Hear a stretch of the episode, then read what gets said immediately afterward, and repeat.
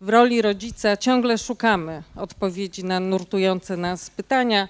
Nie zawsze je znajdujemy i nie wiem, czy na wszystkie pytania Państwo znajdą odpowiedź w trakcie tego wykładu, ale myślę, że przynajmniej dotkniemy paru ważnych kwestii, którymi chcę się z Państwem podzielić. Nazywam się Magdalena Sękowska. Faktycznie pracuję już ponad 32 lata z ludźmi. Na początku, jak mówiłam, że pracuję kilkanaście lat, a potem, jak mówiłam, że mam doświadczenie dwudziestoletnie, to tak bardzo fajnie brzmiało. Ale teraz, jak usłyszałam panią zapowiadającą, która mówi, że z 30-letnim stażem, to sobie myślę, o matko, czy to jest e, mój zasób, czy to jest mój balast i e, jak to jednak brzmi dosyć specyficznie. Ja przychodzę tutaj, aby podzielić się z Państwem moim praktycznym doświadczeniem i moją wiedzą, którą wzbogacam przez cały czas. Moje dziecko często się mnie pyta, mamo, czy ty kiedyś skończysz? Ja mówię, chyba nie skończę. Tak to jest w tym e, zawodzie. E, będę Państwu mówić o różnych kwestiach dotyczących wzmacniania poczucia wartości u dzieci, ale o kwestiach przede wszystkim takich, które są dla tego poczucia wartości ważne. W trakcie naszego wykładu mogą Państwo, niektórzy z Państwa, mogą mieć takie wrażenie: o, to mnie dotyczy, o, to ja to zrobiłam, albo o, to ja tego nie zrobiłem. I mogą mieć Państwo różnego rodzaju emocje związane z tym, o czym będę mówić. To jest tak, jak mieliśmy na psychologii zajęcia z psychopatologii. I jak mieliśmy temat nerwice, to wszyscy w grupie mieli nerwice różnego rodzaju. Tak samo jest z wykładami, kiedy mówimy o różnych sytuacjach i kiedy ludzie próbują tę wiedzę, o której mówi wykładowca, zastosować do siebie. Więc jeżeli ktokolwiek z Państwa w trakcie mojego wykładu będzie miał wrażenie, o Boże, to jest o mnie, zarówno od pozytywnej czy negatywnej strony, proszę się nie przejmować. Jest jeszcze druga rzecz. Ja będę mówić e, godzinę do półtorej, e, ale chciałabym Państwa zaprosić do interakcji. Więc jeżeli ktoś z Państwa w trakcie tego, co będę mówić, usłyszy coś, co jest dla Państwa ważne, albo mają Państwo jakiś przykład, bardzo proszę o podniesienie ręki. Mamy tutaj młodego człowieka, który ma e, jeszcze młode nogi i podleci i przyniesie Państwu mikrofon, żebyśmy byli w dialogu, a nie tylko w monologu. I oczywiście, jeżeli ktoś z Państwa będzie musiał w trakcie wykładu wcześniej wyjść, proszę się nie krępować. Mogą Państwo wcześniej wyjść. Jeżeli kogoś to znudzi, też mogą Państwo wyjść. Jeżeli Państwa coś zainteresuje, ja będę jeszcze dostępna po wykładzie. Czy możemy się umówić na taką e, współpracę w trakcie tego wykładu? Hmm? Dobrze, to ja chciałabym się teraz odnieść do tego, z jakiej praktyki będę do Państwa e, mówić o poczuciu wartości dziecka i jak to poczucie wartości wzmacniać. E, pracuję z rodzinami i e, z dziećmi już od 30 lat, wypracowując swoją własną metodę. Na początku pracowałam tak, że rodzice przychodzili do mnie do gabinetu i przyprowadzali swoje dziecko. Kiedy zauważyłam, że narracje rodziców i to, co widziałam, co się dzieje między rodzicami a dziećmi, są bardzo różne, postanowiłam zaproponować sytuację odwrotną to ja będę przychodzić do rodziny i w warunkach naturalnych będę obserwować to, co się dzieje między rodzicami i dziećmi. Zaczęłam nieśmiało proponować tego rodzaju rozwiązania. Na początku rodzice zastanawiali się, no ale przyjdzie pani do nas, to będzie takie sztuczne, jak my się będziemy zachowywać, rodzina będzie na baczność, więc co pani zobaczy? Ja mówię, spokojnie, Ponieważ obserwacje prowadzę co najmniej przez trzy godziny, to jest wystarczający czas, żeby i dzieci, i rodzina się do mnie przyzwyczaiły i żeby interakcje, które zachodzą w rodzinie, żeby były widoczne. No ale jeżeli dziecko nic nie pokaże, pyta się rodzic. To jest niemożliwe, żeby niczego nie pokazało. Bywa tak, że jestem przez dwie godziny u rodziców i rodzice mówią, no i widzi pani, pani Magdo, jakoś tak wszyscy jesteśmy poprawni, nie zobaczy pani tego, co chcieliśmy, żeby pani zobaczyła. Właśnie jak się córka złości albo jak syn nam brzydko odpowiada. Ja mówię spokojnie, bo to nie o to chodzi, żebym zobaczyła to dokładnie zachowanie, ale żebym zobaczyła, co się między państwem dzieje. A jest to proces, którego nie da się do końca skontrolować i który prędzej czy później ujawni się we wzorcu relacji, który zobaczy ktoś, kto przychodzi z zewnątrz. Ta moja metoda teraz stała się moim narzędziem pracy. Pracuję poprzez obserwację relacji w warunkach naturalnych. Potem pracuję z rodzicami, nie z dzieckiem. Czyli moim założeniem jest to, aby dać jak największe wsparcie przede wszystkim głównym postaciom wychowującym dzieci, a dziecko pozostaje w relacji z rodzicami, a nie w relacji z terapeutą. Oczywiście nie mówię tu o sytuacjach, w których są bardzo konkretne zaburzenia u dzieci. Wtedy rozumiem, że dziecko powinno podlegać procesowi psychoterapii, chociaż z rodzicami też powinno się pracować.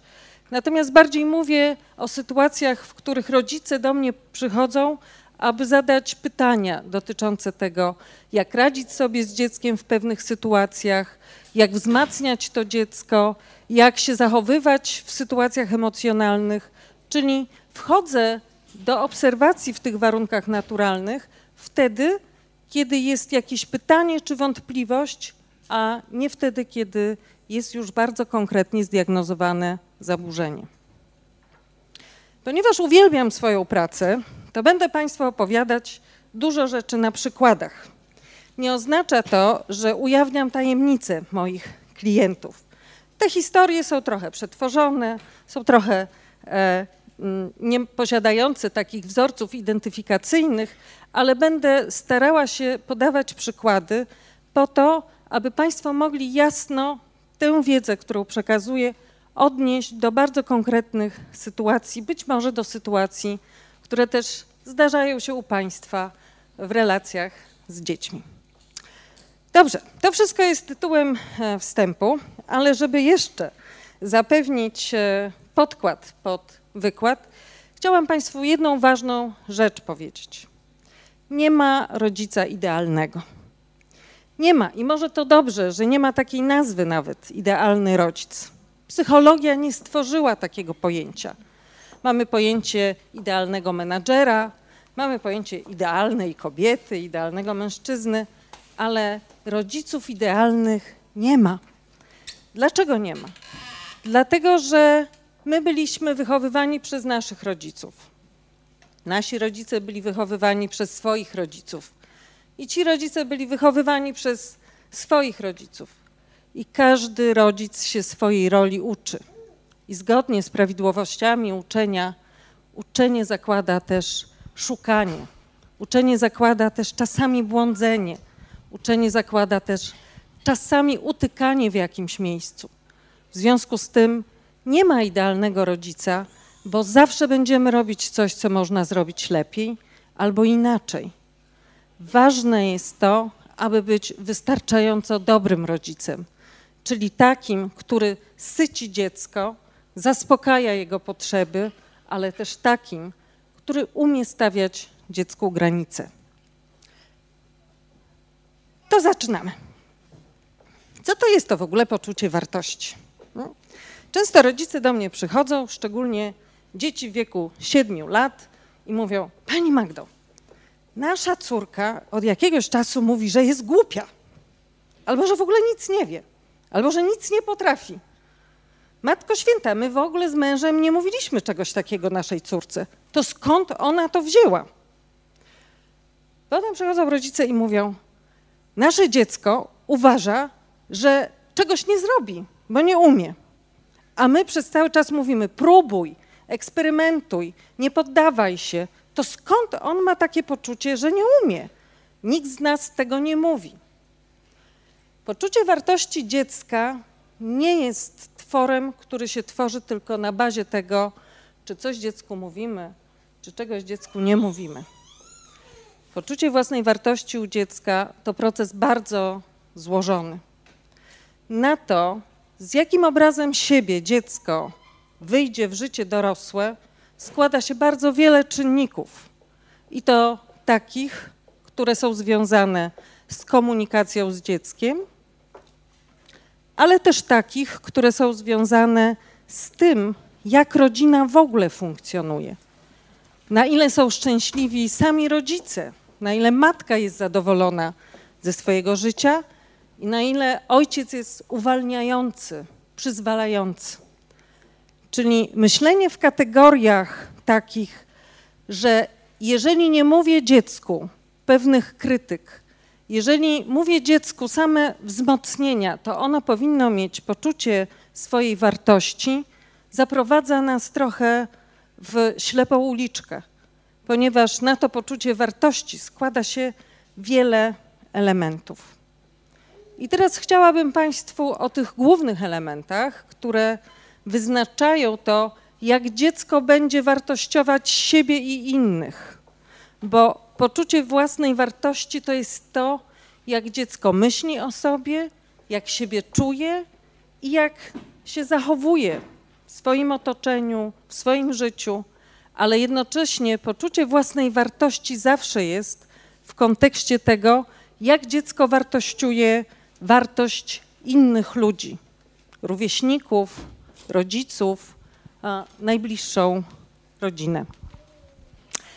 Bardzo silnym czynnikiem wpływającym na to, jak dziecko będzie spostrzegać siebie i świat, jest jasna struktura rodziny.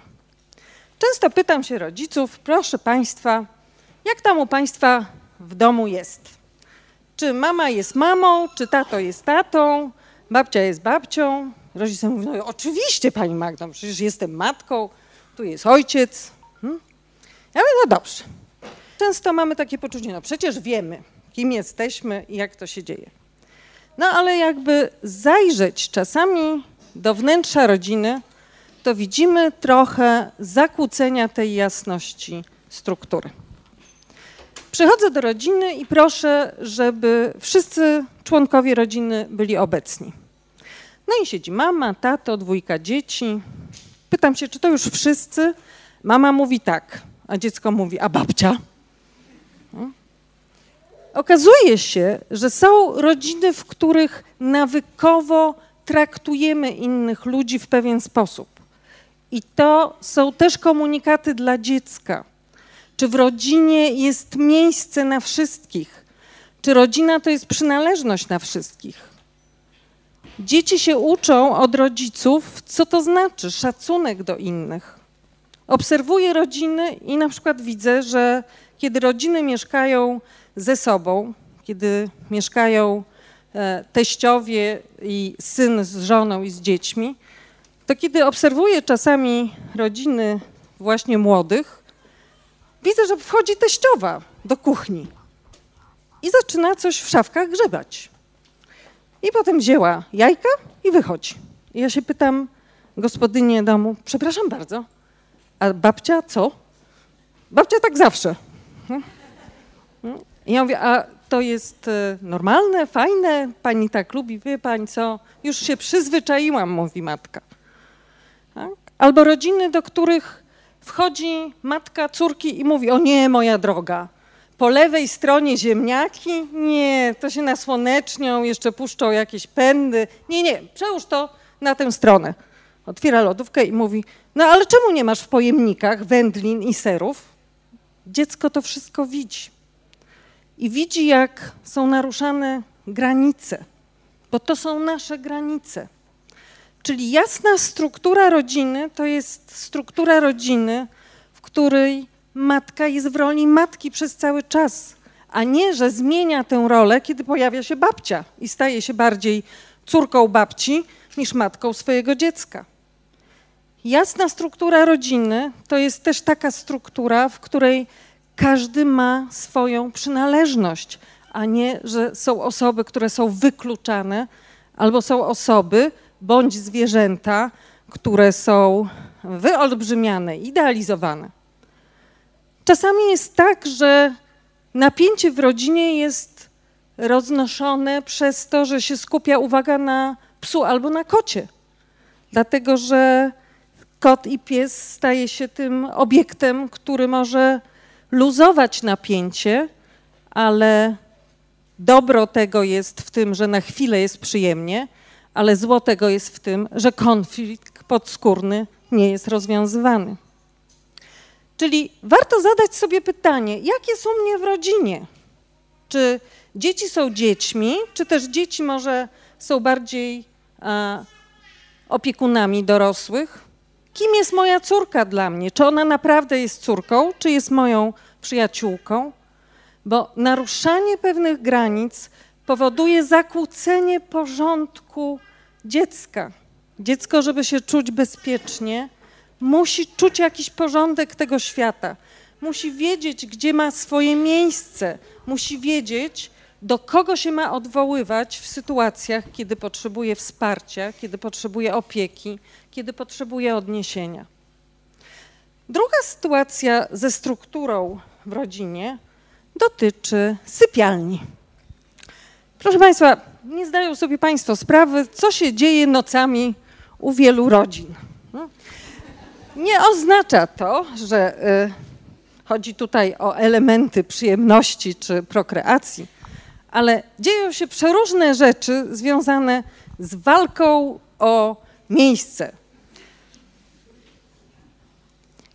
Kiedy pytam rodziców na wstępnych konsultacjach, jak to u Państwa jest, czy dziecko, słyszę, że ma 7 lat, czy ma swoją sypialnię? Tak, Pani Magdo, ma swoją sypialnię, śpi, umie spać samodzielnie. Hmm. No i przychodzę do rodziny. Jest godzina 20, jest czas snu. No i Maciuś, nazwijmy go, mówi: To ja już idę spać. Hmm. Przedtem mi pokazał swój pokój, jak jest urządzony, ale widzę, że Maciuś pakuje się nie do swojego pokoju, tylko idzie do sypialni rodziców. Ja mówię: A gdzie ty idziesz? No do mojego łóżka, mówi Maciuś. To, co się dzieje później, to jest e, walka rodziców z uznaniem przez dziecko. Tak? Czyli dziecko czasami zarządza strukturą rodziny. Wiele rodzin jeszcze ma taki zwyczaj, że śpią rodzice ze swoimi dziećmi. Jedenastolatkowie śpią z rodzicami, bo mama mówi: no bo on jest taki jeszcze słodki, już tak mleczkiem nie pachnie, ale chce się przytulać. Pani Magdo, jak on odejdzie, to niech on sobie tam śpi, z byle kim nawet. Ale teraz jak mogę, to się chcę poprzytulać. Albo ojciec mówi, wie pani co, no przychodzę o godzinie 19. Mam takie poczucie, że jestem pracującym ojcem, nie za bardzo się opiekuje dziećmi. W związku z tym, jak już ten syn chce, żebym się położył koło niego, to już tak się kładę obok niego. No już tak zostaje, bo sobie myślę, przynajmniej pobędziemy razem. Hmm? A matka mówi, ale chrapiesz od razu. Tak? Czyli struktura rodziny, jasność rodziny jest też w tym, że dzieci muszą wiedzieć, że istnieje diada pod tytułem mama i tato, ale oni są też w rolach małżonków, męża, żony, partnerów.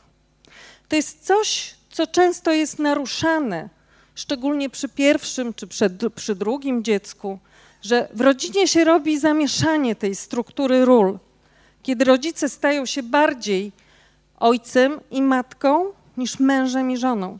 W związku z tym wpuszczanie dzieci do sypialni jest przecież pewną powinnością w roli rodzica.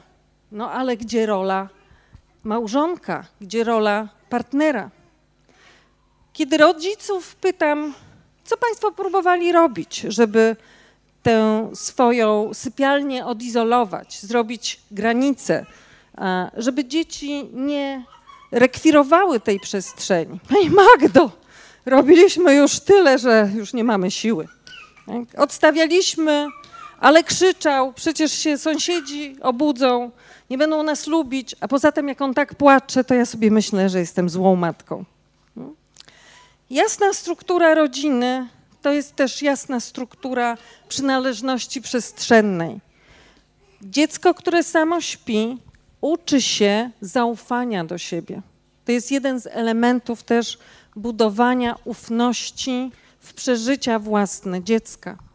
Rodzice często śpią z dzieckiem, bo chcą dobrze, tylko że proces tak naprawdę jest odwrotny. Jeżeli chcemy dobrze, budujmy dla dziecka granicę, w której ono też będzie miało swoją intymność, swoją przestrzeń. Śpiące samodzielnie dziecko oczywiście przeżywa przed snem czy w trakcie snu różnego rodzaju doświadczenia. Widzi jakieś zaciemnione czasami postaci, boi się, pojawiają się różnego rodzaju wrażenia, różnego rodzaju myśli.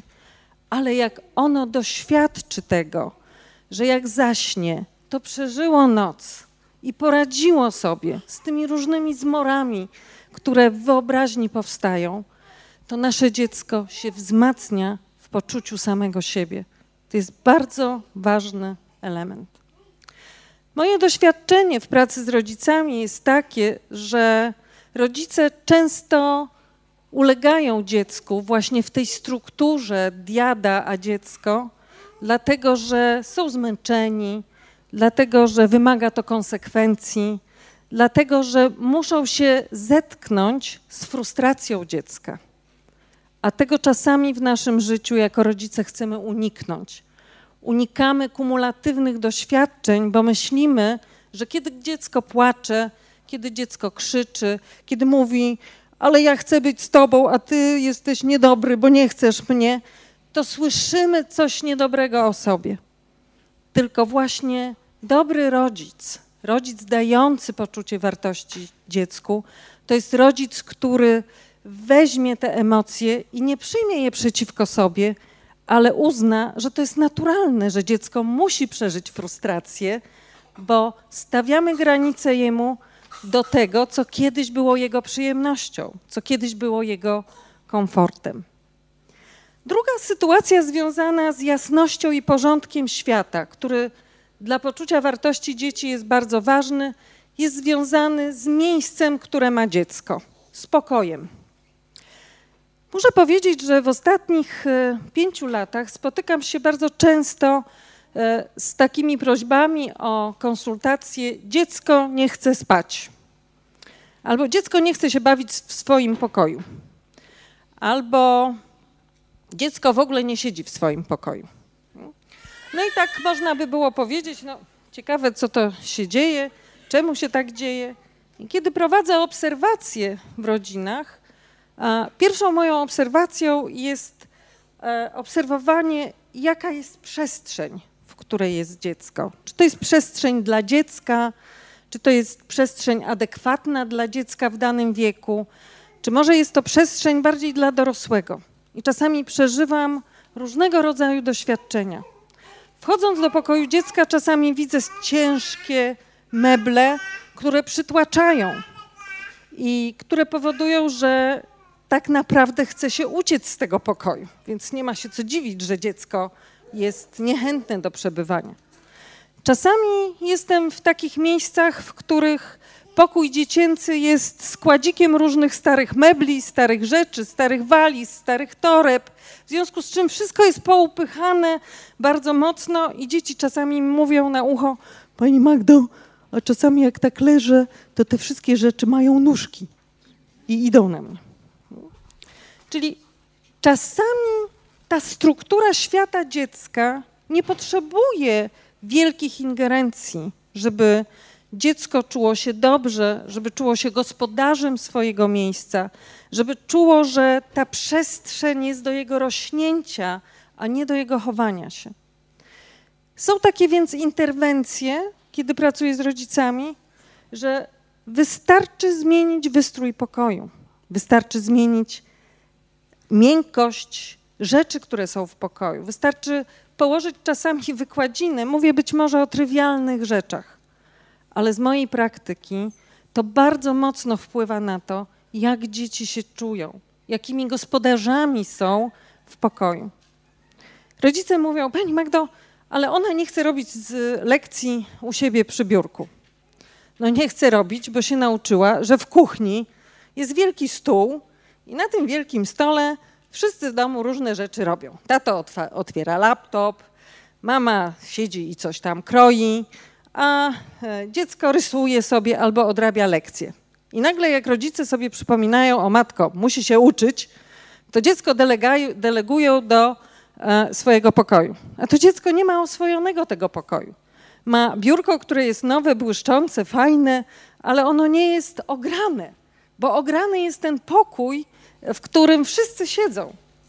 Więc to nie jest kwestia, że z dzieckiem coś jest nie tak, tylko patrzmy, jak strukturujemy czas, jak strukturujemy przestrzeń. Przypuśćmy, że dziecko robi lekcje przy stole mm, w jadalni i nie gra telewizor, w tym czasie nie ma rzeczywiście jakichś takich e, czegoś, co będzie rozpraszać dziecko. To to jest problem, że ono robi lekcje w takim miejscu? Jeżeli chcemy uczyć dziecka, że są przestrzenie, później, kiedy będziemy chcieli uczyć, kiedy dziecko zacznie mieć 7-9 lat, to jest ważny, ważna kwestia budowania granic intymności dziecka, jego oddzielności. To to będzie miało znaczenie. Tak? Nie, jasne, z punktu widzenia pragmatycznego można by było powiedzieć, co to za różnica. Tylko, że jak ten jeden czynnik jeszcze się zbierze z jakimś innym czynnikiem, to to jest bardzo ważne, aby dać dziecku poczucie, że te granice są, że są miejsca, są rzeczy, które są do czegoś przeznaczone, że on ma też swoje miejsce, którym ma zarządzać, bo tego się ma uczyć. Hmm? Jeszcze jeden problem jest ze strukturą przestrzeni i dotyczy to łazienki, proszę Państwa. W łazience też się dzieją różne rzeczy.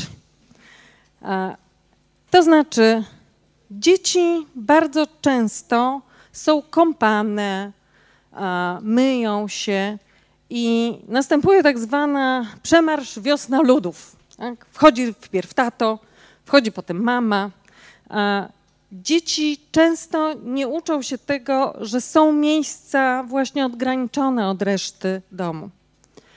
Są rodzice, którzy czasami mają takie łazienki, których jest otwarta przestrzeń i na przykład nie ma drzwi, a są takie hmm, a, przepierzenia, nie wiem jak to nazwać, ale y, y, koraliki. Tak? A zaraz naprzeciwko y, toalety jest y, główne y, miejsce siedzenia wszystkich domowników. I domownicy tego, proszę Państwa, nie widzą. Jak ja przychodzę, ja mówię, proszę Państwa, ale jak to jest? Państwo wychodzą stąd, jak ktoś wchodzi do toalety, a po co? Tak? Bardzo ważne jest zachowanie intymności też, oddzielności, tego, że dziecko nie wchodzi. Czasami mamy mówią, jak się kąpię, to jest taka okazja, że porozmawiam z moim synem i córką. Ja mówię, ale przepraszam bardzo, e, w jaki sposób, gdzie oni są, no jak to gdzie są? Jeden siedzi na toalecie, a drugi e, na wannie. I pani wtedy z nimi rozmawia. Tak, bo nie mam czasu, inaczej. Albo jest na odwrót. Dziecko się kąpie i co róż ktoś wchodzi do łazienki, bo akurat dziecko się lubi kąpać i zabiera e, przestrzeń. To jest bardzo ważne dla poczucia wartości dziecka, szanowanie tego, że dziecko może w pewnych czynnościach być samo. Pukanie, kiedy chcemy wejść, dawanie poznać, że dziecko ma też swoją przestrzeń psychologiczną, swoją przestrzeń cielesną i to jest ważne, aby uszanować. Są oczywiście takie sytuacje, w których te nasze granice domowe czasami zaburzamy, ale dobrze jest zrobić z tego jakiś rytuał. Kiedy wpuszczamy dzieci do naszego łóżka w sobotę rano albo w niedzielę rano, to jest rytuał przyjemnościowy, wszyscy się cieszą. To nie jest zarekwirowanie przestrzeni rodzicielskiej przez dzieci, ale jest to za przyzwoleniem rodziców, czyli to są zupełnie inne sytuacje i one nie wpływają na zakłócenie struktury porządku świata, ale dają kontakt, dają przyjemność, dają dobrą e, relację. Ta struktura przestrzeni dziecka jest o tyle istotna, aby dziecko też miało swoje miejsce, w którym może być w zabawie, w którym może mieć dowolność, swobodę. Czyli ważne jest to, aby dzieci mogły swoimi zabawkami, swoimi przedmiotami, które lubią, zarządzać, bawić się, a nie kiedy rodzic wyciąga dziecku, dzisiaj się tym pobawisz. Albo kiedy zabawki są tak ułożone, że dziecko nie ma do nich dostępu. Zabawa jest bardzo ważnym odzwierciedleniem poczucia sprawstwa u dzieci. Bardzo ważne jest, żeby dziecko umiało się bawić i zajmować się samo sobą. Ważne jest bawienie się z dzieckiem, ale też ważne jest przyzwalanie na to, aby dziecko tę przestrzeń w swój sposób tworzyło. To, co często obserwuję w domach, jest związane z tym, że często rodzic wchodzi w środku zabawy dziecka. Wchodzi i mówi: A czemu nie użyłeś wyższej wieży? A może byśmy zrobili to i to, podczas gdy dziecko już jest podczas jakiegoś swojego procesu, jest w jakimś swoim rytmie. Czyli bardzo ważne jest też w budowaniu poczucia wartości dziecka odzwierciedlać jego rytm, wchodzić w syntonię z nim, a nie wprowadzać dystraktory, które czasami są dla dziecka takim sygnałem, że źle się bawi albo nie robi tego, co chce. Czyli ten element struktury rodziny, struktury świata jest bardzo ważny, szczególnie w pierwszych latach życia dziecka. Dziecko potrzebuje porządku, żeby czuć się bezpieczne. Potrzebuje jasności, by wiedzieć, gdzie jest jego dom, gdzie jest jego miejsce, gdzie jest jego przestrzeń. Drugim ważnym elementem, który wpływa na kształtowanie się poczucia wartości u dziecka, jest komunikacja między rodzicami a dzieckiem. I co tu się dzieje w tej komunikacji? Czasami w rodzinach mam wrażenie, że jest więcej niż trójka. Jak mamy dwóch, dwójkę rodziców i dziecko, to sposób komunikowania często odzwierciedla, jakby było ich tam więcej. Jaki jest przykład? Bardzo często używamy osoby trzeciej liczby pojedynczej zamiast zaimków ja, ty. Czyli kiedy rodzic chce coś do dziecka powiedzieć, to czasami mama mówi: Chodź, Piotrusiu, do mamy. Hmm? Nie mówimy, chodź do mnie. Hmm? Dziecko, żeby uczyć się myślenia w kategoriach ja, swojej tożsamości, musi się uczyć też używania określeń, które jego identyfikują. Jeżeli mama mówi chodź do mamy, a jeszcze przyjdzie tato i mówi chodź do taty, to już mamy trochę więcej niż trzy osoby. No a jeszcze jak przyjdzie taka okazja, kiedy rodzice mówią, no i co Piotruś zrobił, zamiast używać e, zaimka ty, to już mamy prawie sześć osób razem. Tak? Czyli to, co jest bardzo ważne w języku, odzwierciedlajmy granice tożsamości dziecka. Komunikacja z dzieckiem też wymaga używania jasnych określeń, kto za co odpowiada, czego, kogo dotyczy dana czynność czy dany proces. A my często używamy takich określeń, no to idziemy robić lekcje. Ja się pytam, pan też ma lekcje swoje? Tak? Albo idziemy zrobić siusiu. Tak? My oznacza zwalnianie z poczucia odpowiedzialności burzy granice jasności, kto co, gdzie. W związku z tym ważne jest używanie określeń, które przynależą do danej osoby. Kiedy rodzic rysuje coś i bawi się z dzieckiem, używanie zaimka my jest uzasadnione. Natomiast jeżeli jest tak, że rodzic w czymś naprawdę dziecku pomógł, czasami zrobił coś za niego, rodzice często mówią, zobacz Piotrusiu, jak ładnie narysowałeś. A zrobił to tatuś.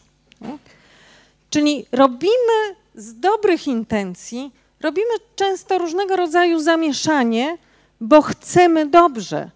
Tylko, że w ten sposób dziecko znowu ma zamęt. To znaczy, kto co zrobił, do kogo co przynależy. Językowość nasza też jest bardzo ważna, jeżeli chodzi o imię dziecka. Proszę Państwa, czasami spotykam się z takimi przezwiskami na dziecko albo z takimi określeniami na dziecko, że czasami faktycznie zastygam z przerażenia. Mogę podać ten przykład, bo, e, bo to już jest taki przykład osób, które e, wyjechały i ta osoba jest e, już dorosła, ale kiedyś przyszłam do pewnej rodziny i pytam się, a gdzie jest starszy syn? I słyszę, jak ojciec tego syna woła: Kretynuś, chodź tutaj. Widzę, przychodzi jedenastoletni chłopiec i sobie myślę, o matko, tak? A bo my zawsze tak mówimy do niego. On zawsze był kretynuś, bo taki był niepozbierany. Uważajmy też z tymi określeniami. To też odzwierciedla wartość dziecka. Nasze imię, proszę Państwa, to jest pierwsza nasza wizytówka. Przychodzę się, witam, mówię Magdalena Sękowska. To, jak używam swojego imienia, odzwierciedla też jakąś moją siłę, poczucie, granice. Czasami rodzice używają różnych określeń, bo są fajne dla rodziców. Ale potem, jak mam dorosłe osoby, które przychodzą na psychoterapię i mówią, nienawidziłam, jak moja mama na mnie mówiła Jadwiga, jak była wściekła. Ja sama też mam takie doświadczenie. Mam na imię Magdalena, ale moja siostra, o 7 lat starsza, jak do mnie dzwoniły różne osoby w e, szkole podstawowej, jak chciała coś złośliwie zrobić, to jak szczególnie jakiś chłopak dzwonił albo jakaś ważna dla mnie koleżanka, moja siostra odbierała telefon, ale potem, e, żeby mnie zawołać, tak mocno do tej słuchawki wołała Madzia do telefonu. Ja do dzisiaj nie lubię, jak ktoś do mnie mówi Madzia. Nie? Pacjenci przychodzą, mówią Pani Madziu, żeby pokazać jakąś sympatię, ale coś zostaje. To, co jest bardzo ważne też w używaniu imienia dziecka, jest to, na ile ono jest adekwatne do wieku dziecka, na ile odzwierciedla dziecko w jego rośnięciu, w jego rozwijaniu się, w tym, jakie to dziecko jest. Przychodzą czasami rodzice i mówią, że mój Maciusiek, mój Maciusiek ma, wie pani, takie problemy. Ja mówię, a pani Maciusiek, przepraszam bardzo, ile ma lat? No 12. A czy pani wie, że dwunastoletni chłopiec to już... Tak, pytam się i podaję przykłady, co się dzieje u dwunastolatka. Maciusiek, tak, czyli to jest też tak, że czasami nasze dzieci rosną, ale żeby odzwierciedlać poczucie wartości dziecka, razem z dzieckiem musi rosnąć, musi rozwijać się też rodzic. Musi zmieniać formy kontaktu, formy przekazu. E, moja córka ma 8 lat i często ją nazywam Anielka po prostu. Czy to też jakoś szkodzi dziecku, że się zdrabnia imię albo do Adasia, który ma 12 lat, mówię Adaś. Mhm. Ale to są zdrobnienia, które nie e, regresują dziecka, więc one nie, nie robią niczego. Trzeba też patrzeć, jaką nazwę lubi dziecko. Niech pani się pyta też, a jak mówią inni do ciebie, jak to lubisz. Szukamy jakichś elementów. Bardziej o to chodzi, żeby nie regresować dziecko, które już ma ileś lat, do imienia, które ewidentnie dotyczy małego dziecka. Hmm? Komunikacja między dziećmi a rodzicami jeszcze dotyczy tego, jakiego rodzaju komunikaty dajemy wobec dzieci. Czy dajemy przede wszystkim instrukcje, zrób to, nie rób tamtego, weź to, czy zadajemy pytania retoryczne, dlaczego to zrobiłeś, kiedy to zrobisz, czemu tego nie wziąłeś, czemu tego nie, nie dałeś, czyli jaka jest komunikacja, czy w komunikacji przeważa element informacyjny, czyli dajemy pewne pakiety informacyjne dzieciom, czy w komunikacji są elementy też relacyjne, kontaktu z dzieckiem. Bardzo często dzieci mi mówią, a bo mój tato to ma taką mantrę. Ja mówię, ale przepraszam, ma mantrę? O co chodzi? No bo tato tutaj przychodzi do mnie do pokoju i tak siada i godzinę mi mówi, że trzeba być dobrym człowiekiem, trzeba rozumieć innych, nie wolno być takim egoistą. Hmm? Ja mówię, okej, ale co potem? No potem tato wychodzi, ja się zajmuję swoimi rzeczami. Hmm? A co byś chciał, się pytam. O co chciałbyś, żeby tato cię zapytał? Chciałbym, żeby zapytał mnie, jak widzę dziewczyny w mojej klasie, jak się czuję, albo żeby mnie zapytał, czy mi się podoba coś, a mój tato mówi mi, jaki ma być świat. I tak też często jest, że jako rodzice mówimy dzieciom, jak ma być, jak ma być prawidłowo, jak chcemy, żeby było. Czyli bardzo często projektujemy swoją wizję, wiz, wizję, bo się spieszymy. Rodzice często mówią, Pani Magdo, no będzie mieć 12 lat, to już niedługo wyjdzie z domu. Rówieśnicy będą ważni, więc chcę wykorzystać czas, żeby nawtykać tam trochę do tej głowy. Hmm? Tylko, że problem polega na tym, że w tej tak zwanej głowie już się dzieją różne procesy. Czy my chcemy, czy nie chcemy. Już dziecko zaczyna przetwarzać informacje, które do niego docierają. I nie tylko te informacje, które mówi jemu rodzic, ale też te informacje, które dziecko samo spostrzega. Czasami rodzice mówią: Wie pani, my się z mężem nie kłócimy. My się kłócimy, jak dzieci idą spać, w łazience puszczamy prysznic. Hmm? Rozmawiam z dzieckiem, z dziećmi. Dzieci mówią: Wie pani co? Nie wiemy czemu, ale jak my idziemy spać, to rodzice się zamykają w łazience i się kłócą, ale czemu puszczają prysznic? Hmm? Wydaje nam się jako dorosłym, że dzieci nie widzą pewnych rzeczy, że dzieci nie odbierają napięcia, jakie jest między nami. Ale dziecko chłonie wszystko jak gąbka. Dziecko odbiera to po tonacji, po wysokości głosu, po naszej mimice, szczególnie po znakach niewerbalnych matki. Obserwacje małych dzieci, już niemowlaków. Pracuję też z rodzicami, które, którzy mają dziecko dwumiesięczne, ośmiomiesięczne. Już widać, jak się tworzy interakcja, jak się tworzy taniec między rodzicem a dzieckiem. Jak bardzo dziecko reaguje na to, co się dzieje w wyrazie emocjonalnym matki, rodzica. Dzieci patrzą na nas, Dzieci się przyglądają, z jaką energią jesteśmy. Ja często rodziców pytam, gdyby tak Marsjanin zleciał do państwa, do państwa rodziny, do państwa mieszkania, do państwa domu, to jakie emocje by zobaczył? Jak państwo myślicie? No, dobre, my się uśmiechamy często. Hmm? Czasami proszę, żeby dziecko narysowało e, twarz albo główną minę mamy albo taty. To dzieci rysują, tak, mama z takimi dwiema tu krechami, nie? nie? Bo mama ciągle chodzi i coś szuka do poprawienia, nie? Albo tatę, który w ogóle ma oczy gdzieś do góry, tak? bo jest jakoś nieobecny, jest zanurzony w czymś innym. Dzieci odbierają więcej niż nam się wydaje.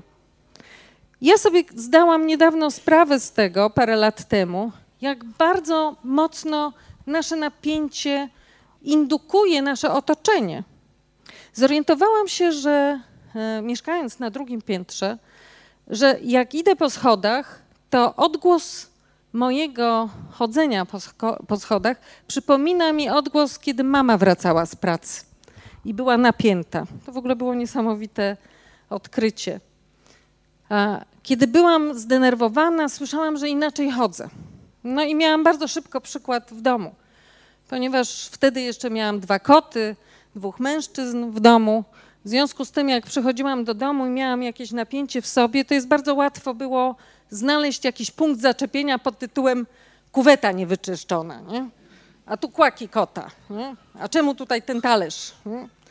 Kiedy przychodziłam taka napięta, pierwsze reagowały koty, natychmiast, pod szafy. Nie? Drugi był mój syn, zamykał się w pokoju. Mm. A mój mąż próbował nawiązać ze mną kontakt, co było niemożliwe. nie?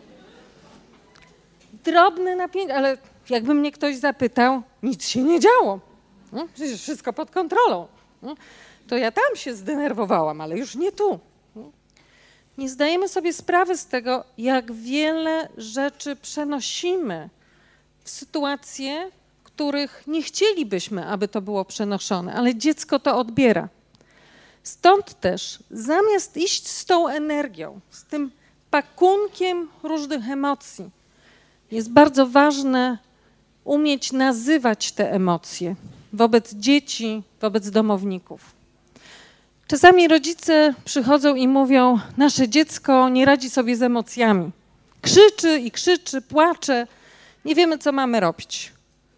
A jeżeli się zapytam, a jak państwo ujawniają emocje? Czy pan mówi o swoich emocjach w domu? No nie. A czy pani mówi o swoich emocjach w domu? Nie. To skąd dziecko ma umieć wyrażania tych emocji? Sposobem na wzmacnianie dziecka jest też komunikacja na temat emocji, pokazywanie, że emocje same w sobie nie są ani czy- niczym złym, ani niczym do końca dobrym być może, ale są komunikatem o jakimś naszym stanie, który jest bardzo ważny w relacjach. Nie ma emocji złych czy dobrych tak sobie. One są dobre albo złe ze względu na to, jak zaspokajają nasze potrzeby, jak regulują sytuacje, w których jesteśmy. W związku z tym bardzo istotne jest to, aby rodzice też umieli emocje okazywać, nazywać. Kiedy pytam rodziców, ile mają Państwo sytuacji w ciągu dnia, aby być ze sobą, aby porozmawiać, aby się wymienić tym, co Państwo przeżyli danego dnia albo co Państwo przeżywają, to często rodzice mówią, Pani Magdo, w ogóle nie mamy czasu załapać się w tym tyglu rodzinnym, a co dopiero usiąść i ze sobą herbatę wypić. Kiedy pytam dzieci, a jak widzisz rodziców razem, to jakich widzisz? To często dzieci mówią, rzadko widzę. No. Jak idziemy do galerii w niedzielę, mówi dziecko. Tak? Bo jak mama jest, to tato jest w komputerze, a jak tato jest, to mama jest na fitnessie. W związku z tym mało doświadczamy tego, żeby rodzice byli razem.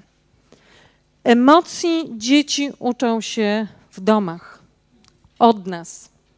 Dziecko już od trzeciego roku życia jest w stanie nazywać i rozpoznawać emocje. I to jest bardzo ważne, że pierwszym nauczycielem tych emocji jesteśmy my, nie szkoła, nie przedszkole. W związku z tym ważne jest zamiast z tą kulą emocji przychodzić, czasami przyjść i powiedzieć: Jestem zdenerwowana, coś mnie rozłościło. Dzisiaj mam taki dzień, że mogę mniej rozmawiać z wami, albo jestem smutna. W Polsce mamy taką tendencję, że boimy się złości. Boimy się emocji złości, chociaż jak życie nasze publiczne pokazuje, tej złości jest cała masa. Ale kiedy dziecko się złości, boimy się. Boimy się, dlatego że często myślimy, że jest to niedobra emocja. Żeby dziecko potrafiło radzić sobie z tego rodzaju emocją, wpierw rodzic musi potrafić sobie radzić ze swoją złością. Musi się nauczyć tego, jak nazywać tę emocję, ale też musi się nauczyć, jak się dołączać do złości dziecka, bo złość jest energią i nie należy jej tłumić. To, co często w domach obserwuję, to właśnie unikanie sytuacji tak zwanych kumulatywnych, czyli unikanie sytuacji, które doprowadzą do tego, że dziecko będzie sfrustrowane, albo unikanie sytuacji, które doprowadzą do tego, że dziecko się ze złości. W związku z tym, jak już rodzic widzi, że dziecko ma e, smutną minkę, to już coś próbuje robić, zapobiegać, już leci z jakimś rozwiązaniem albo proponuje jakąś ulgę w granicach, które zaczął stawiać. Przeżycie złości dla dziecka jest bardzo ważne dla jego poczucia wartości, ponieważ pokazuje, że dziecko jest w stanie sobie poradzić z silnymi pobudzeniami w mózgu, z silnymi emocjami, że dziecko przejdzie przez to i się nic z nim nie stanie. To jest ważne dla dziecka doświadczenie, aby przeżyło to w domu, a nie wtedy, kiedy już pójdzie w swoją dalszą drogę, w szkołę i w życie dorosłe. Drugą emocją, którą widzę, że w domach, szczególnie w Polsce, mamy problem, jest smutek dziecka. Czasami rodzice dzwonią i mówią: Pani Magdo, potrzebujemy konsultacji, bo dziecko ma depresję. Ja się pytam: A ile dziecko ma lat? Cztery. Czy się coś ostatnio stało? No, nic się nie stało, ale dziecko zgubiło misia. No to może być smutne. Smutek jest emocją, która pojawia się, kiedy coś tracimy, kiedy przeżywamy, że ktoś, coś był ważny, coś było ważnego. W związku z tym przeżycie smutku jest czymś naturalnym. Ja często takim rodzicom mówię, niech się Państwo cieszą. Państwa dziecko jest zdrowe. O matko, mówią rodzice. Tak? Czyli jak przeżywa smutek, to jest dobrze. Dobrze, bo to znaczy, że ma kontakt ze swoimi uczuciami. Bo to znaczy, że dostało przyzwolenie od państwa, żeby w ogóle coś czuć.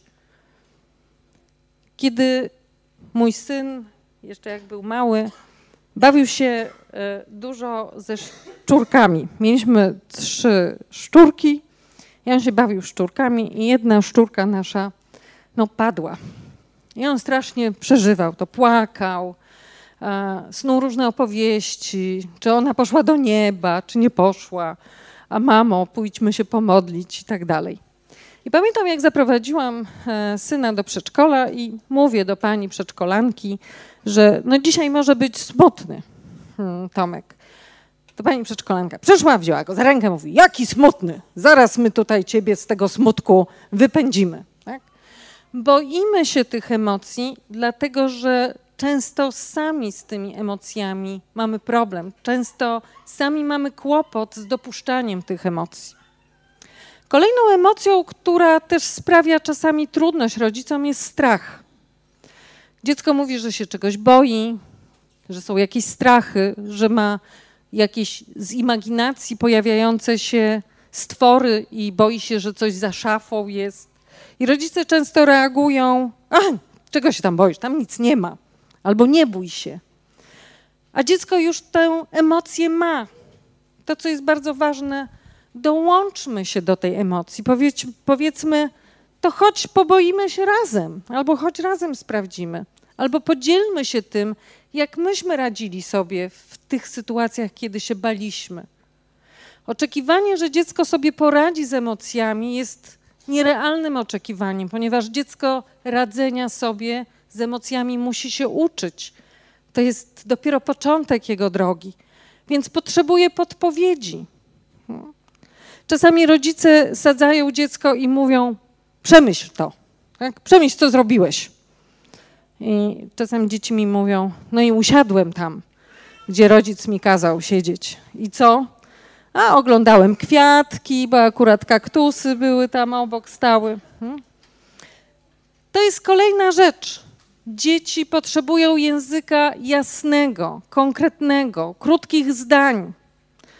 Kiedy słyszałam pana w Ikei, który zostawiał swoje czteroletnie dziecko w sali zabaw z tymi piłeczkami, kuleczkami jakimiś i tłumaczył jemu, co on ma zrobić, jak będzie jemu źle, to widziałam taką scenę. Dziecko stało, patrzyło na tatę, a tato mówił: Pamiętaj, jakby ci było źle, to zaufaj tej pani, która tu jest.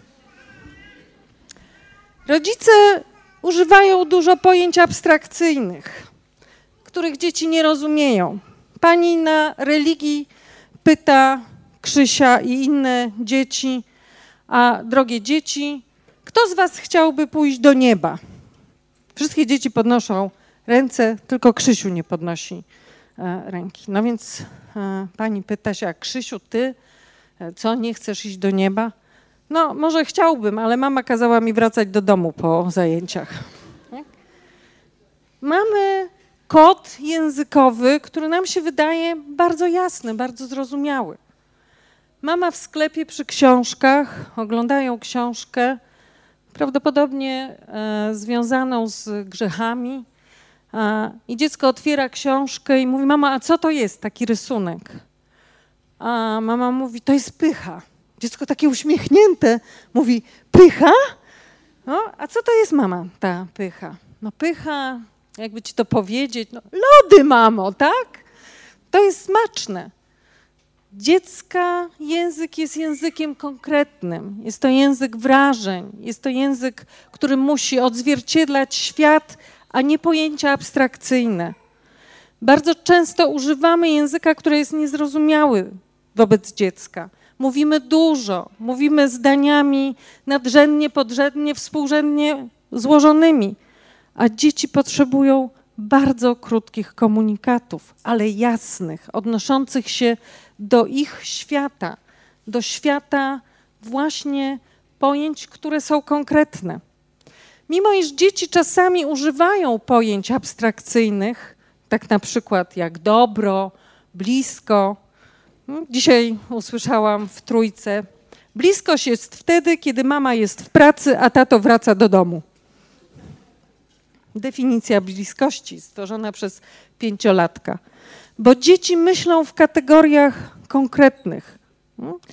Znają różne pojęcia. Odpowiedzą na pytanie, co to jest być razem. Być razem to jest wtedy, kiedy e, jest się małżonkami, mówi dziecko, albo kiedy się jest na kocią łapę. Hmm? Ale co to jest kocia łapa? Dziecko już nie jest w stanie abstrakcyjnie wytłumaczyć.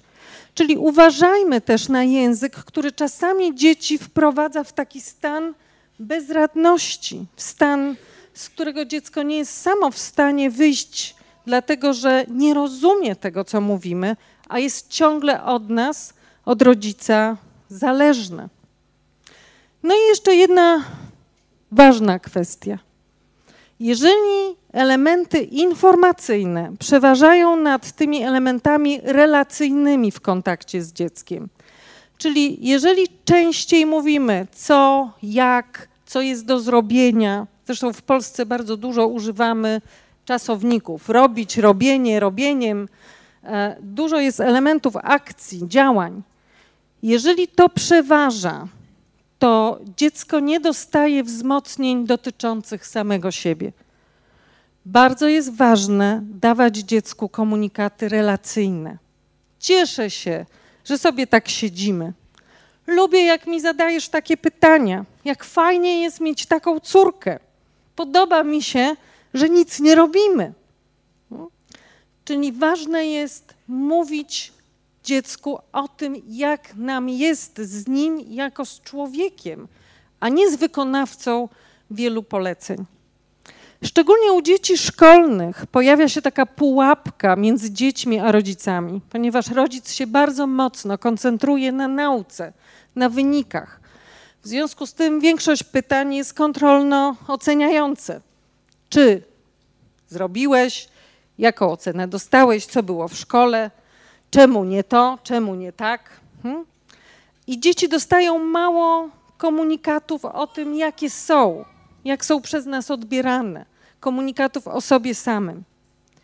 Najwięcej komunikatów o sobie samym i najsilniejszy wpływ mają te komunikaty, które się dzieją w intymności, czyli w bliskości, kiedy nie są zapośredniczane poprzez jakieś zajęcia albo poprzez jakieś działania. Czyli warto zadać sobie pytanie, czy w ciągu dnia jestem z moim dzieckiem ja, tylko ja w kontakcie, w tej intymności, w tej bliskości. To nie musi być długi odcinek czasu. Czasami mówię szczególnie zapracowanym mamom albo ojcom, to nie jest ważne, że pan przychodzi o godzinie 19 z pracy. Ważna jest jakość czasu, który pan spędza z tym dzieckiem. 15 minut tylko dla dziecka, bez komórki, bez laptopa, bez głowy naładowanej różnymi rzeczami, które za chwilę trzeba zrobić. Dzieci, jak dostaną takie pożywienie, odłączą się same, zaczną się bawić, zajmą się sobą, dlatego że dziecko nakarmione uwagą rodzica dostaje bardzo duży zastrzyk energii, energii pozytywnej, takiej, bo dostaje komunikat: Widzę Ciebie, jesteś dla mnie ważny. Dotyczy to też sposobu spędzania czasu w rodzinach. Aby wzmacniać poczucie wartości u dzieci, jest bardzo ważne indywidualizować kontakt z dziećmi.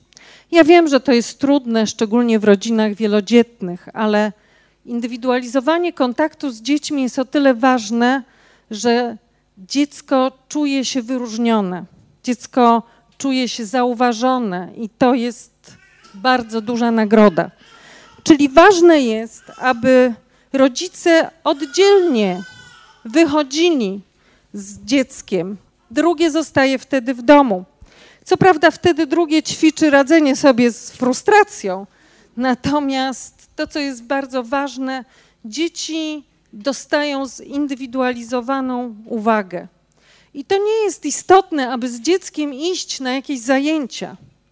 Ja często mam w moim gabinecie dzieci, które jak przychodzą i siadają u mnie na fotelu, ja jeszcze mam cukierki w gabinecie, one mówią, jak ja lubię do pani przychodzić. Ja mówię, ale czemu lubisz przychodzić? Bo u pani nic nie muszę robić. Hmm? Dzieci są czasami przeciążone zajęciami, nauką, różnych rzeczy, tym, co muszą robić. Natomiast to, co jest istotne, indywidualizacja kontaktu z dzieckiem, to jest bycie, aby być z dzieckiem, a nie żeby coś załatwić, coś zrobić. Czyli ważne jest wyjść na pół godziny, zjeść wspólnie pizzę, pojechać popatrzeć na tym, na rynku, na Starym Mieście, jak ludzie chodzą, usiąść na dworcu, trochę popatrzeć, jak e, wyglądają pociągi. Dziecko nie potrzebuje ciągle stymulacji intelektualnej, ale niewątpliwie, aby rosnąć, aby się rozwijać, potrzebuje stymulacji relacyjnej, tego, co jest w relacji. To, co jeszcze jest e, ważne w kontakcie między rodzicem a dzieckiem, to to, na ile rodzic cieszy się sam ze swojego życia. Tak jest i tak się mówi, żeby dziecko mogło odejść, a do tego zmierza wychowanie dzieci. My wychowujemy dzieci, żeby poszły w świat, a nie żeby zostały z nami. Czyli żeby dziecko miało wystarczającą ufność, aby wejść w ten świat, aby się zmierzyć z innymi i ze sobą. Musi być puszczone ale puszczone będzie wtedy, kiedy spotka się z zadowolonym rodzicem. Z rodzicem, który się cieszy swoim życiem, który ma swoje zainteresowania, który ma swoje też granice. Nie jest tylko w roli rodzica. A dzieci często mówią: Moja mama jest taka zapracowana. Tak bym chciała. Przychodzi czasami do mnie taka dziewczynka i mówi: Pani Magdo, tak bym chciała moją mamę odciążyć. Ona jest taka zamęczona. Co ja mam zrobić? Hmm?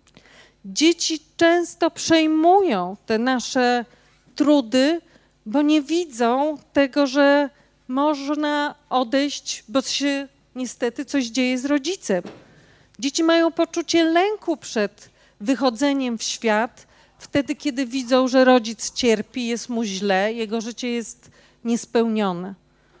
Czyli znowu, aby budować poczucie wartości dziecka, ważne jest też widzieć, jak my wartościujemy siebie, jaką wartość nadajemy sobie, swojemu życiu, na ile pozwalamy sobie na to, aby puścić różne powinności, ale też zaspokajać swoje własne potrzeby.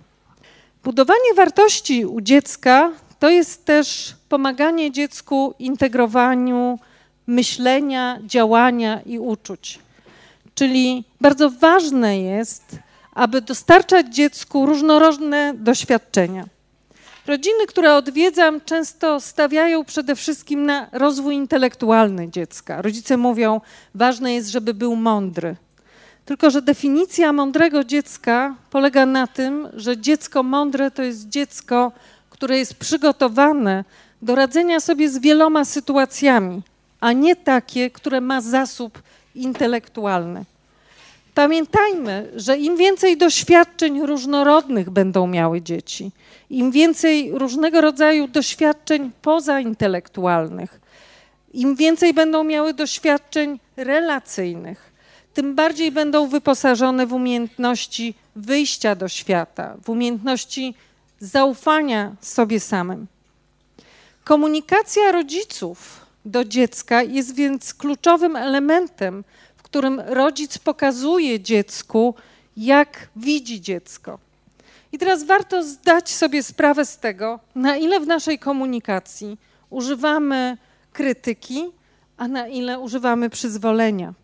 Czy używamy w ogóle jakiekolwiek przyzwolenia? Możesz, potrafisz, spróbuj, idź. Dobrze, że tak robisz. Czy więcej używamy krytyki? Czemu nie to? Czemu nie tak? A może byś inaczej? Czyli musimy zobaczyć, czy nasza komunikacja rozkłada się tak, aby dziecko mogło próbować, czy tak, aby musiało spełniać to, co jest naszą wizją, co jest naszym oczekiwaniem. Poczucie wartości dziecka jest więc związane z równowagą tego, co odzwierciedla wartość dziecka, a ta równowaga musi zakładać odzwierciedlenie przyzwoleniami. Jesteśmy trochę takim narodem, że nie lubimy chwalić. Nie lubimy się też chwalić sobą.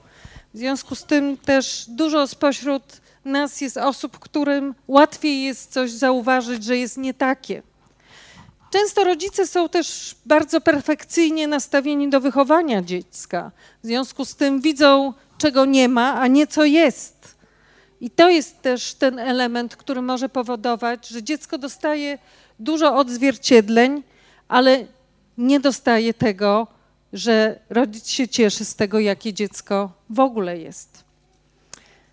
Budowanie poczucia, jak widać, jest więc zadaniem bardzo skomplikowanym, jest zadaniem bardzo trudnym. I należy zdać sobie sprawę z tego, ile w tej komunikacji, jaką mamy do dzieci, wnosimy swoich własnych tendencji. Często można zauważyć w komunikacji między rodzicami a dziećmi pięć takich tendencji, które się nasilają, szczególnie w sytuacjach stresujących. I warto je identyfikować, by móc je zmieniać. Te pięć tendencji to są tendencje typu bądź doskonały, to są komunikaty do dziecka typu czemu nie zrobiłeś tego lepiej, a może byś to poprawił, a może narysujemy to jeszcze raz, a może jeszcze oblicz jeszcze raz to, co tutaj obliczyłeś, żeby było dobrze. Czyli rodzic z tendencją bądź doskonały będzie dawał dużo komunikatów typu jeszcze coś można zmienić. Natomiast mniej komunikatów na temat tego, że to, co jest, też jest dobre. Są rodzice, którzy mają tendencję nasilać w sytuacjach trudnych i stresujących tendencję wysilaj się. Mówią do dziecka: W życiu nic tak łatwo nie przychodzi. Ty się teraz ciesz dzieciństwem, zobaczysz, jak będziesz dorosłym. Szczególnie mamy tak mówią. Zobaczysz, co to jest być matką albo kobietą. Wysilaj się jest więc to coś, co często rodzice przekazują dziecku, że w życiu jest trudno. Co się tak cieszysz? Przyszedłeś ze szkoły i się cieszysz. Nie masz zadań domowych do odrobienia? Tak? A ty co się tak uśmiechasz? Posprzątaj swój pokój. To są wszystko komunikaty, które możemy nasinać w sytuacjach, kiedy jesteśmy pod wpływem stresu. Kolejny wzorzec, który może się uruchamiać, to jest wzorzec śpiesz się. Szybko, szybko, szybko, nie ma czasu na myślenie. Nie dyskutuj. Proszę Państwa, a dzieci przychodzą z ważnymi pytaniami do nas w różnych momentach. Jedna mama mówi, wie Pani co, no co ja mam zrobić? Zakłada skarpetkę, jesteśmy pięć minut przed wyjściem do szkoły, a ona się mnie pyta, mama, a czy ty umrzesz? Dzieci nam nie zadadzą pytań ważnych w tych momentach, kiedy jesteśmy zrelaksowani, siedzimy, pijemy kawę i mówimy, no dobra, to teraz pytaj. Tak? Zadadzą w bardzo różnych momentach, ale kiedy mamy wzorzec spiesz się, to mówimy do dziecka, no dalej, dalej, wyłącz myślenie. A ona akurat w tym momencie to myślenie ma bardzo mocno załączone. Kolejny wzorzec, który może się zdarzać też w sytuacjach, jak jesteśmy napięci, to wzorzec sprawiaj przyjemność. Rodzice często mówią do dziecka: Nie hałasuj teraz, bo mnie boli głowa. Zaśpiewaj teraz. Teraz robisz lekcję, a teraz się bawisz, a teraz pójdziemy na basen. Dziecko mówi: Ja tego nie chcę, ale rodzica to nie obchodzi. Nasilamy sprawiaj przyjemność, bo my stajemy się dyrektorami zarządzającymi potrzebami dziecka. I dziecko uczy się w takich sytuacjach, że to nie jego potrzeby są ważne, ale generalnie potrzeby mamy. I potem mama przychodzi i mówi: Pani Magdo, ona mnie ciągle pyta, w co się ma ubrać. Albo się mnie pyta: Mamo, a czy mam fajną koleżankę, czy nie fajną? Nie ma się co dziwić, jeżeli uczymy dzieci, że jesteśmy punktem odniesienia dla ich decyzji, dla ich wyborów, dla ich potrzeb. No i kolejny wzorzec, który też często się zdarza: bądź silny. Nie mazgaj się tak. Co ty tam płaczesz? Szybko. Nie wolno się tak zachowywać. Czemu się smucisz? Trzeba być w życiu silnym. I uczymy dzieci, żeby wychodziły ze stanu emocjonalnego, który mają. A stan emocjonalny jest stanem, którego się nie da przełożyć jak zwrotnicę. Nie da się go odłożyć, zamienić. W związku z tym dziecko przy tego rodzaju komunikatach uczy się, że uczucia trzeba zamknąć, ścisnąć, włożyć z powrotem. To jest ważne, abyśmy wiedzieli, jakie są nasze tendencje, do czego mamy jakiś wzorzec, do jakiego rodzaju zachowań mamy tendencję wchodzenia. Wtedy lepiej nam będzie rozumieć nasze dzieci. Patrzmy na dzieci, obserwujmy je. Ja czasami widzę rodziców, którzy dają komunikaty, proszę Państwa, do dzieci bez kontaktu wzrokowego. Obserwuję rodziny i się pytam, czy Pani widziała, ile Pani dała komunikatów, przechodząc z jednego pokoju do drugiego, stojąc e, tyłem do dziecka, zmywając coś albo krojąc, przygotowując obiad. Dzieci potrzebują komunikatów wprost, przez kontakt wzrokowy. Wtedy czują, że ten komunikat jest do nich, dostają też rozpoznanie. Potrzebują komunikatów, które są też komunikatami dotyczącymi relacji, poczucia, tego jak rodzic też się z dzieckiem czuje.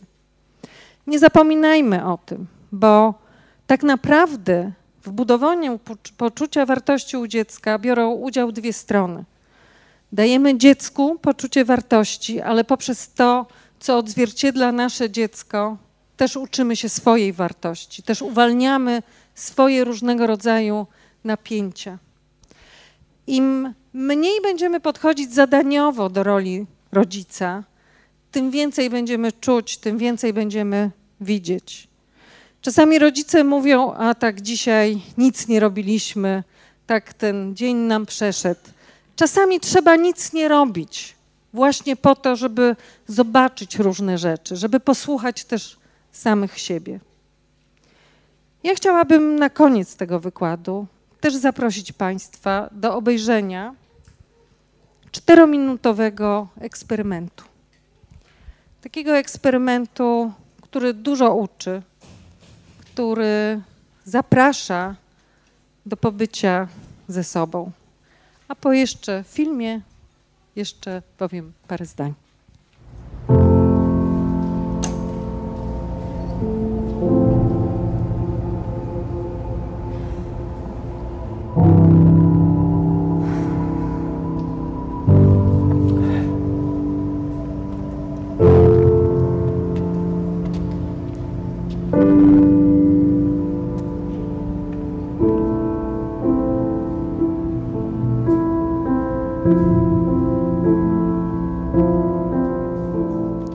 Proszę Państwa, mimo iż wynaleziono wiele kanałów porozumiewania się, kontaktu, ciągle bezpośredni kontakt ma swoją moc i jest podstawowym narzędziem, z którego możemy w każdej sytuacji korzystać.